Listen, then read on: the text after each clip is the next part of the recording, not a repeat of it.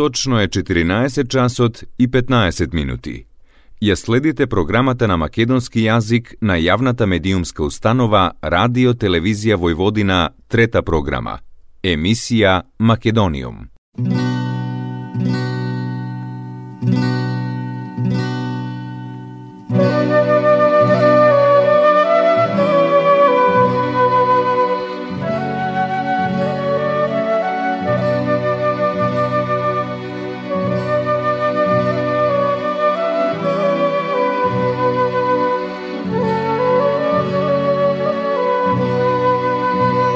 Македониум.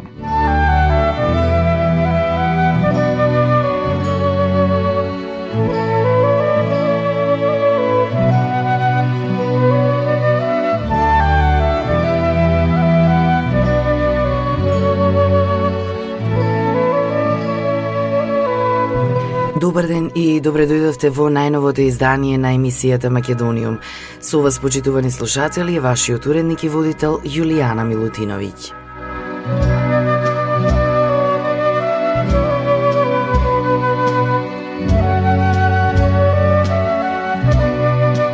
Македониум.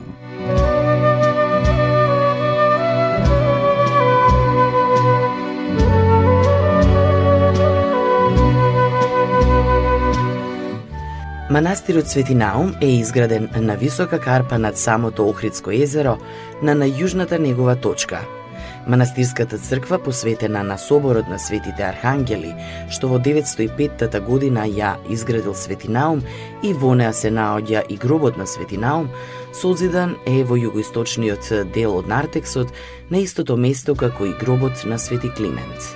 Црквата е градена во основа во облик на триконхос или лист на детелина. Околу 10 до 13 век била потполно урната, Дури во 16 век на незините темели е подигната сегашната црква Свети Наум, доградувана и проширувана во неколку фази. Во втората половина на 18 век била изградена куполата над припратата на црквата, а последното значајно обновување било извршено кон крајот на 18 век. Во надписот над западниот влез однатре се споменува дека живописувањето на црквата се случувало во времето на игуменот Стефан во 1806 година. Тогаш е живописана и капелата со наумовиот гроб. Сегашната црква има форма на впишан крст со квадрато пространство со купола, поставена на четири столбови. Гробницата на Свети Наум е долепена градба со широка и ниска купола. Во манастирот и денес стојат столбовите со врежани глаголски и кирилски букви.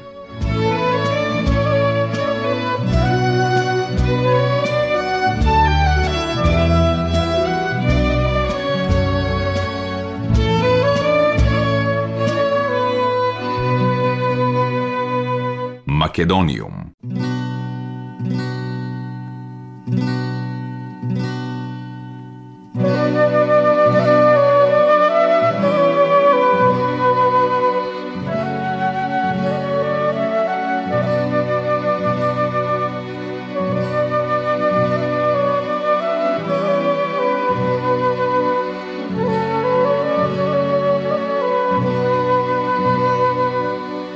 Свети Јован Богослов или Канео во Охрид. Оваа средновековна црква е позната по називот на некогашната рибарска населба Канео, што на латински значи блескоти, еден од најфотографираните охридски символи – Манастирот Свети Јован Богослов е изграден и фреско живописан во 13 век, а ктиторот на црквата и сликарите на фреските не се познати.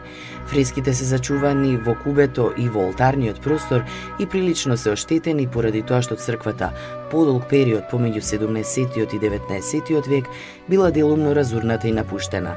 Тогаш бил уништен поголемиот дел од живописот. Во поновата историја на оваа црква се констатираат повеќе обнови и доградувања, а во 1889 година се поставува нов дрвен иконостас и се пресликуваат некои делови од стариот живопис. Првобитниот изглед на црквата Свети Јован Канео, еден од символите на древниот Охрид, е вратен по конзерваторските работи во 63-та и 64-та година, кога била урната припратата со камбанаријата, кои биле доградени во 19-тиот век. Тогаш биле откриени и фреските во кубето. Постојат само делови од фреските од 18-тиот век во куполата и апсидата. Прекрасни и специфични се двата ангели од пречистувањето на апостолите, кои што се во царски одежди, што е редкост во живописувањето. Македониум Македониум.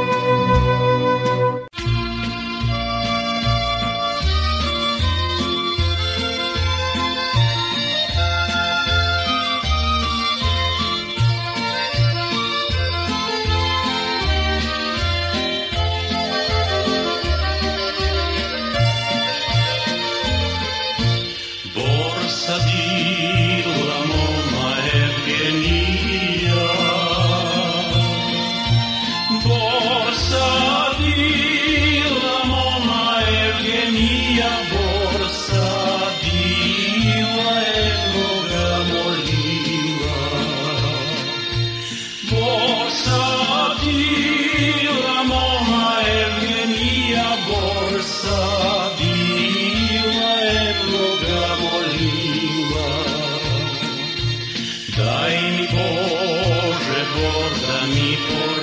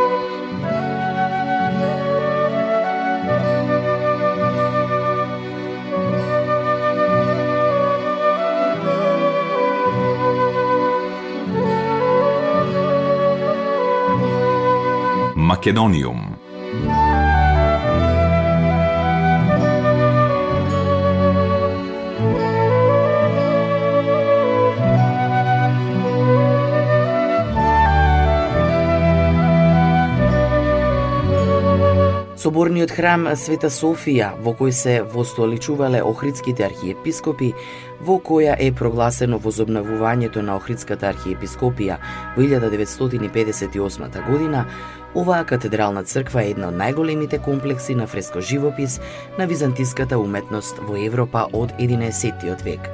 Фреските од 11 и од 14 век се од исклучително значење и наоѓаат свое место во сите научни светски изданија. Величествената припрата датира од 1313 или 14 година и е една од најубавите градби од тој вид во византиската и македонската градителска култура. Црквата со декоративната фасада, зидана од Тули и Малтер, е посветена на Света Софија, што значи Божја премудрост, Господ Исус Христос. Изградена е во 10 век врз темели на ранохристијанска базилика. Во кон иконот се насликани шестми на римски папи, со што се искажува односот меѓу Цариградската и Римската црква пред 1054 година. Света Софија во втората половина на 15 век била претворена во џамија, Фреските биле варосани, куполата урната и срамнета со покривот, олтарната мермерна преграда од странета, а над северозападното кубе било подигнато минаре. Денес црквата има постојан богослужбен живот, а се користи и како концертна сала и музеј.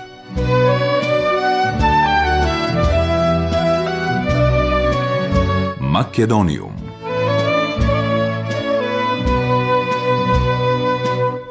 Света Богородица перивлепта во Охрид, за чија година на градење во времето на византискиот император Андроник II Палеолог, се дознава од текстот во надписот над влезот. Црквата представува прекрасна целина на преубава градба и пребогат фреско живопис. Меѓу народот е позната под називот Свети Климент. Така од 15 век, кога турците до Темел го урнале Свети Климентовиот манастир на Плаошник, а тука биле пренесени моштите на Свети Климент. Таа станала и катедрален храм, односно станала храм на охридските архиепископи во времето кога соборниот архиепископски храм Света Софија бил претворен во џамија. Покрај првиот поглавар на Македонската православна црква, во оваа црква се востоличени и тројцата поглавари Ангелари, Гаврил и Михаил. Фреско живописот е дело на зографите Михаил и Евтихи, најпознатите имиња од своето време, кои работеле и во манастирите Свети Никита во Бањани, Скопско и Свети Ѓорги во Старо Нагоричане Кумановско.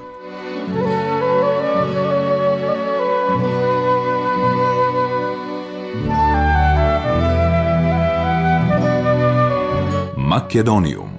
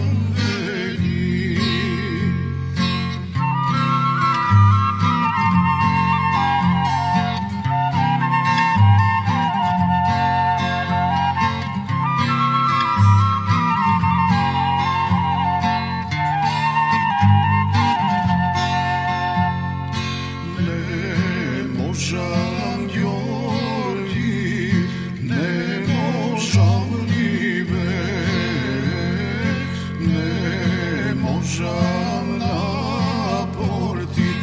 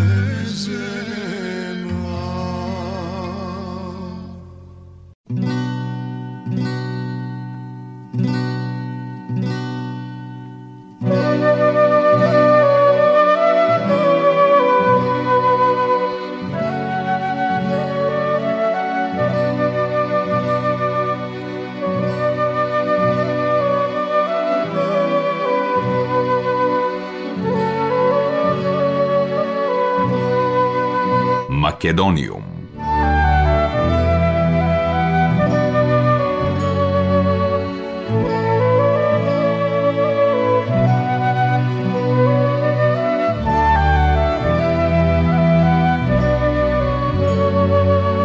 Пештерски манастир Свети Еразмо, посредниот век култот на Свети Еразмо, антиохиски епископ, проповедник, бил раширен и на исток и на запад, а особено во Италија, Франција, па дури и до Шпанија. Во Македонија неговиот култ е развиен во Охридскиот крај, бидејќи тој во Охрид се задржал долг период од својот живот и остварил значајна мисионерска дејност во македонските краишта. На својот ранохристијански проповедник Охрид му посветил прекрасен манастир, изграден во една пештера покрај патот Охрид-Струга, крај самиот брег на езерото. Фреските, меѓу кои и ликот на Свети Еразмо, потекнуваат од 12 век. Во близина е откриена иранохристијанска базилика од 3 или 4 век, посветена на Свети Еразмо. Црквата Свети Константин и Елена во Охрид се наоѓа во непосредна близина на црквата Света Богородица Перивлепта. Изградена е од страна на јеромонахот Партени. Представува еднокорамна градба и поседува фрески од времето на изградбата, но и од наредните периоди, поточно од 14 17 и 18 век.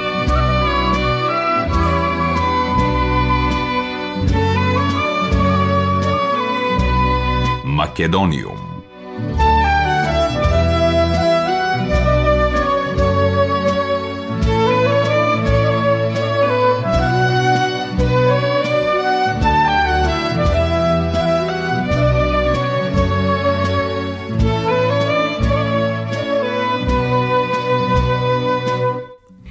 Заливот на Коските во Охрид е всушност реконструирана преисториска наколна населба од 12 до 7 век пред нашата ера, поставена над платформа која ја држат дрвени колци. Тоа е новоотворениот музеј на вода каде во водата се поставени пронајдените остатоци од древното живеалиште, нуркачка база и реконструирани тврдини од Римското царство од втори век. На овој локалитет на длабочина од 3 до 5 метри се пронајдени остатоци од 6000 дрвени колци кои најверојатно подпирале заедничка платформа на која имало 20 на дрвени куќарки. Според истражувањата, површината на насилбата се простирала на 8500 метри квадратни. Со оглед на тоа што биле изградени од дрва, трски и кал, живеалиштата биле подложни на пожари и често биле обновувани, на што се должи големата густина на колците, најдени остатоци од изгорени дрва и јаглен. Платформата со копното била поврзана со подвижен мост, кој во текот на ноќта се подигал заради заштита од животни и непријатели. Моментално е реконструирана дел од населбата кој брои 7 куќарки изградени на платформата која е поставена над 1200 колци кои се обработени за да бидат поотпорни и поиздржливи. Реконструирана е внатрешноста на куќарките што нуди интересно доживување за тогашниот начин на живење.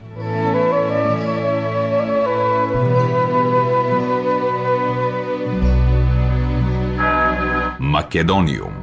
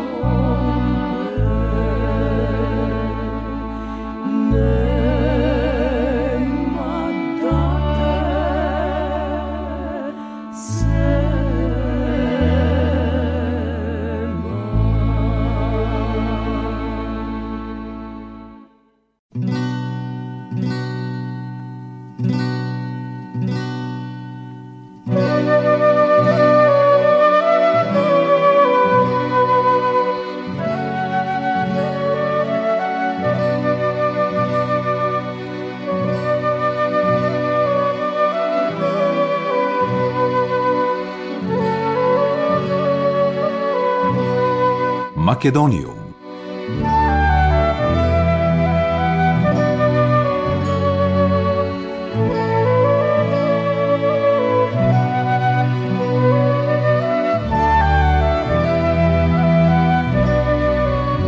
Почитувани слушатели, тоа беше се во денешното издание на емисијата Македониум. До следната среда во исто време, срдечен и голем поздрав од вашиот уредник и водител Јулијана Милутиновиќ.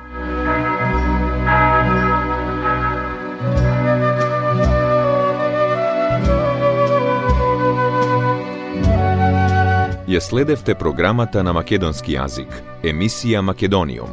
Главен и одговорен уредник Воин Поповиќ.